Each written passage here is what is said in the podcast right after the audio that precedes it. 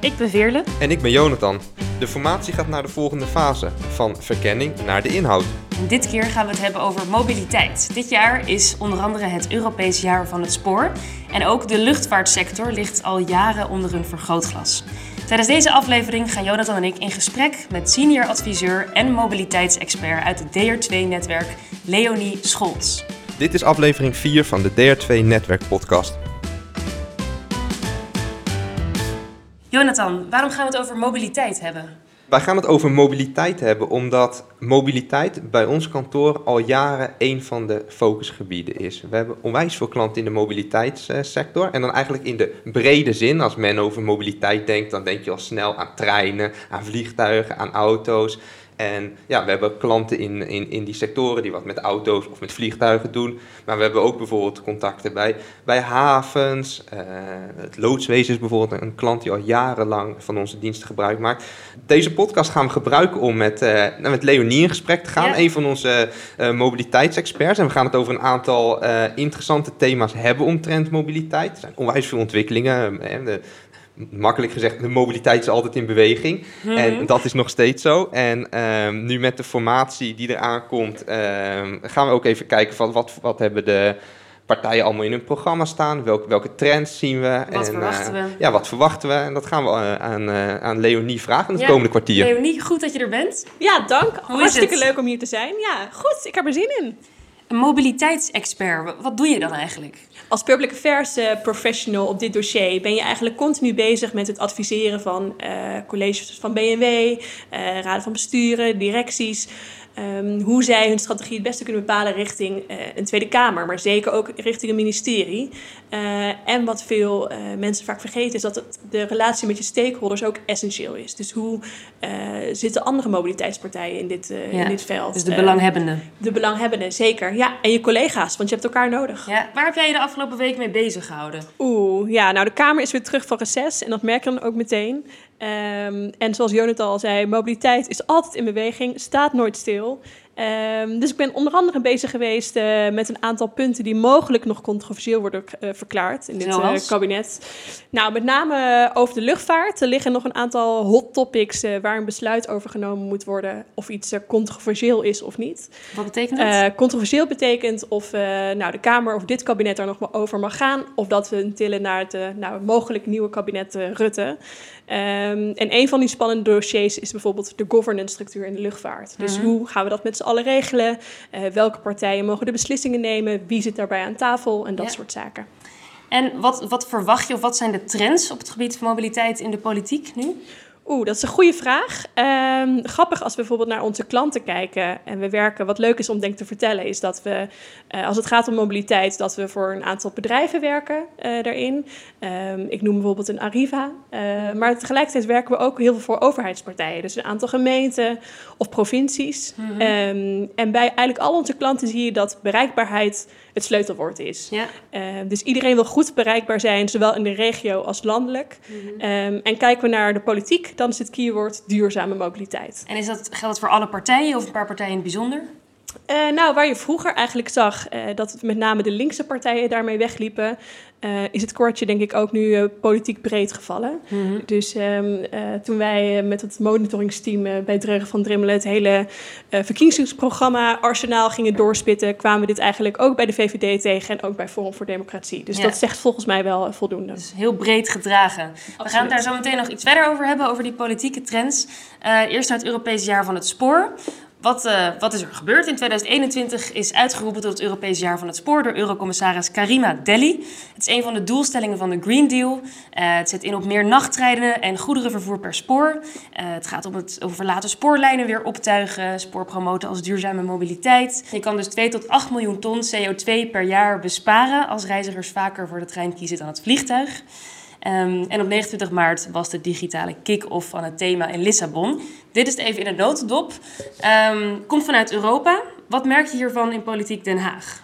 Nou, dat is grappig dat, we het ook nu hierover hebben. Wat ik net volgens mij al zei, ehm, eh, duurzaamheid of duurzame mobiliteit is een keyword in alle verkiezingsprogramma's eh, de afgelopen periode. Eh, dus je ziet dat ook heel erg in de Haagse politiek doorcijpelen. Er komen initiatieven die zich richten op meer duurzame mobiliteit. En dat zien we dus eigenlijk in de brede. En wat ook, nou ja, als we het toch over het spoor hebben, echt wel ehm, regelmatig naar voren komt, is toch meer stimuleren dat men met de trein gaat. Eh, zowel eh, goederenvervoer als eh, ook personenvervoer. Ehm, een heel mooi voorbeeld daarvan is bijvoorbeeld ook ehm, een initiatiefnota van GroenLinks, alweer van ruim anderhalf jaar geleden. Eh, maar dat heeft eigenlijk tot doel om mensen eh, uit het vliegtuig te krijgen als het gaat om een afstand korter dan eh 700 kilometer. Eh, want ruim 90.000 vluchten die gaan dus over minder dan die 750 kilometer. En die is aangenomen. Nee, die ligt nog ter behandeling. Het, was, nou, dat was een van de, de hoogtepunten van Suzanne Kreuger. Mhm. Maar zij is helaas uit de Kamer verdwenen. Dus dat ligt nu bij haar opvolgster. Hoor ik jou ook zeggen dat de dingen die Veerle net al opnoemde, omtrent het Europees jaar van het spoor, hè, de pijlers die daarin belangrijk zijn, dat je die eigenlijk al langer ook terug hoort komen in de Haagse politiek? Ja, absoluut. Dus het ligt ontzettend in elkaars verlengde. En is natuurlijk een beetje het kip of het ei verhaal.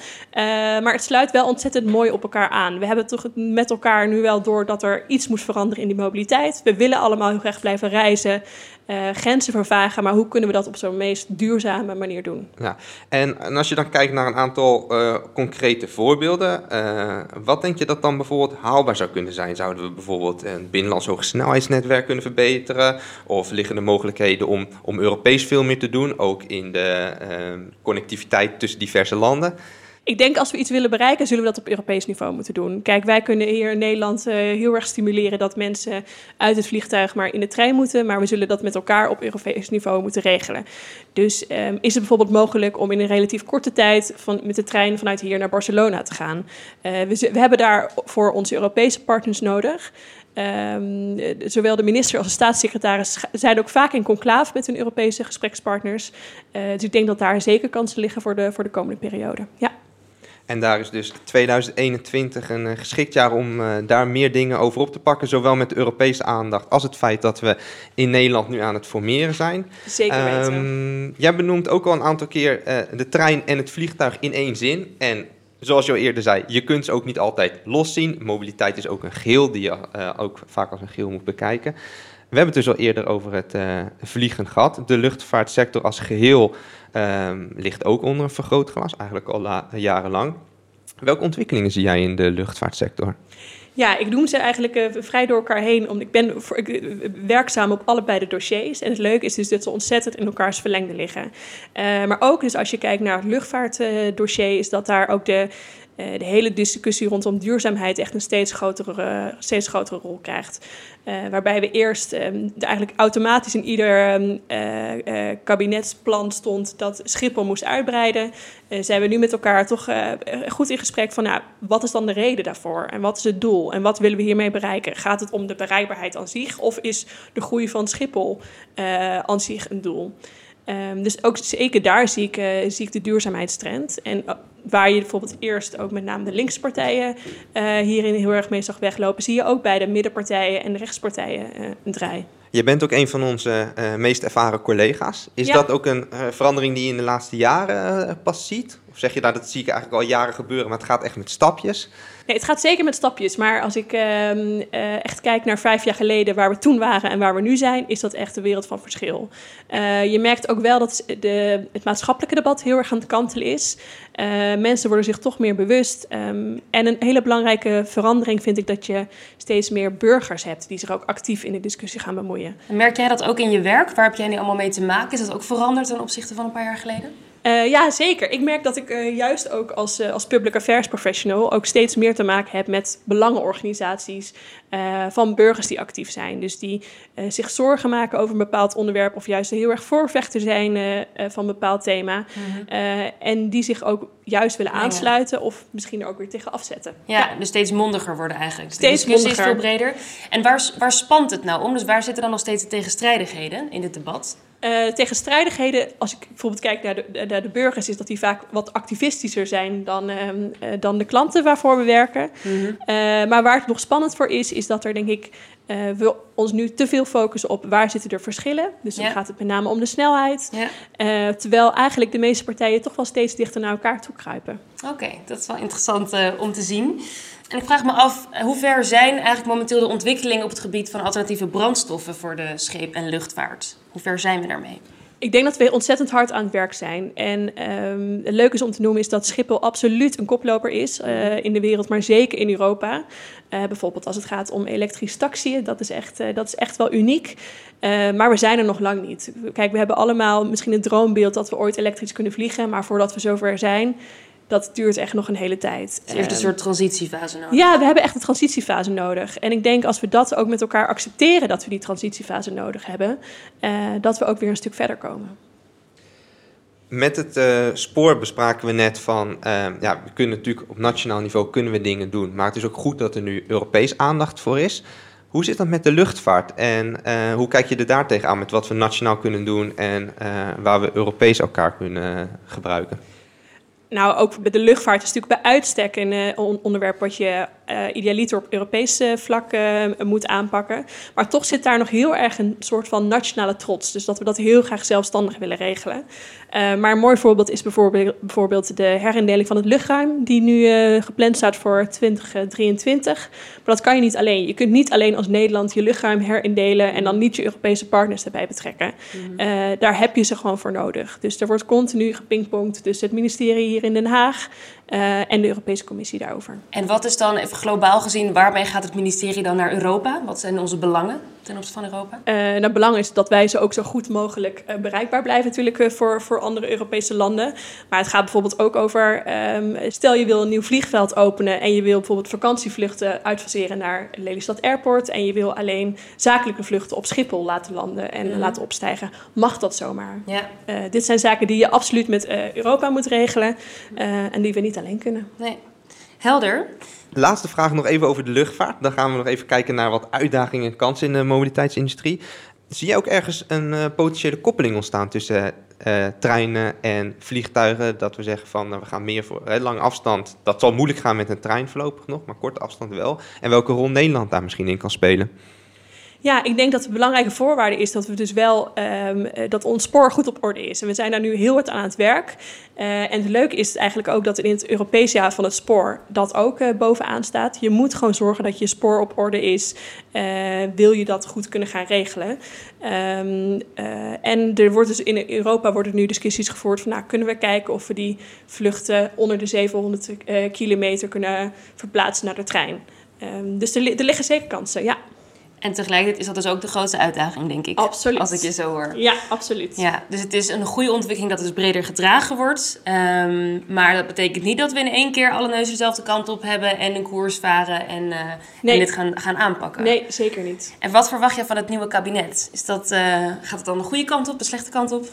Nou, het leuke is natuurlijk dat er bijvoorbeeld een luchtvaartnota is door een vorige kabinet. Die zijn er druk mee bezig geweest. Dus mocht er een nieuwe kabinet uh, Mark Rutte komen met een soortgelijke partijen erin, is het ook wel de vraag hoor of ze daar op dezelfde voet doorgaan. Uh, je merkte dat bepaalde partijen toen al in de coalitie ook wel een beetje aan het draaien waren. Dus waar we het net over hadden, over die meer, meer dat duurzame aspect. Dat zie je bij steeds meer partijen terugkomen. Is het misschien allemaal voor niks geweest? Als in, stel dat er een heel nieuw kabinet komt die een hele andere koers gaat varen Nee, dat, dat geloof ik zeker niet. Ook de, luchtvaart, de huidige luchtvaartnota is al doordrenkt met... Uh, er moet meer oog zijn voor maatschappelijke omgeving en voor duurzaamheid. Uh, dus ik denk eerder dat daar nog een schepje bovenop kan okay. de komende periode. Dus dat klinkt positief. Zeker. Oké, heel goed. Jonathan, heb jij nog een laatste vraag? Um, nee, eigenlijk niet. Ik uh, vond het heel erg leuk om met uh, Leonie in gesprek te gaan uh, over mobiliteit. Ik benoemde het aan het begin van het gesprek al. Het is een sector die ons heel erg uh, aan het hart gaat eigenlijk als bedrijf. We hebben heel veel adviseurs die ook bezig zijn met mobiliteitsklanten in brede zin.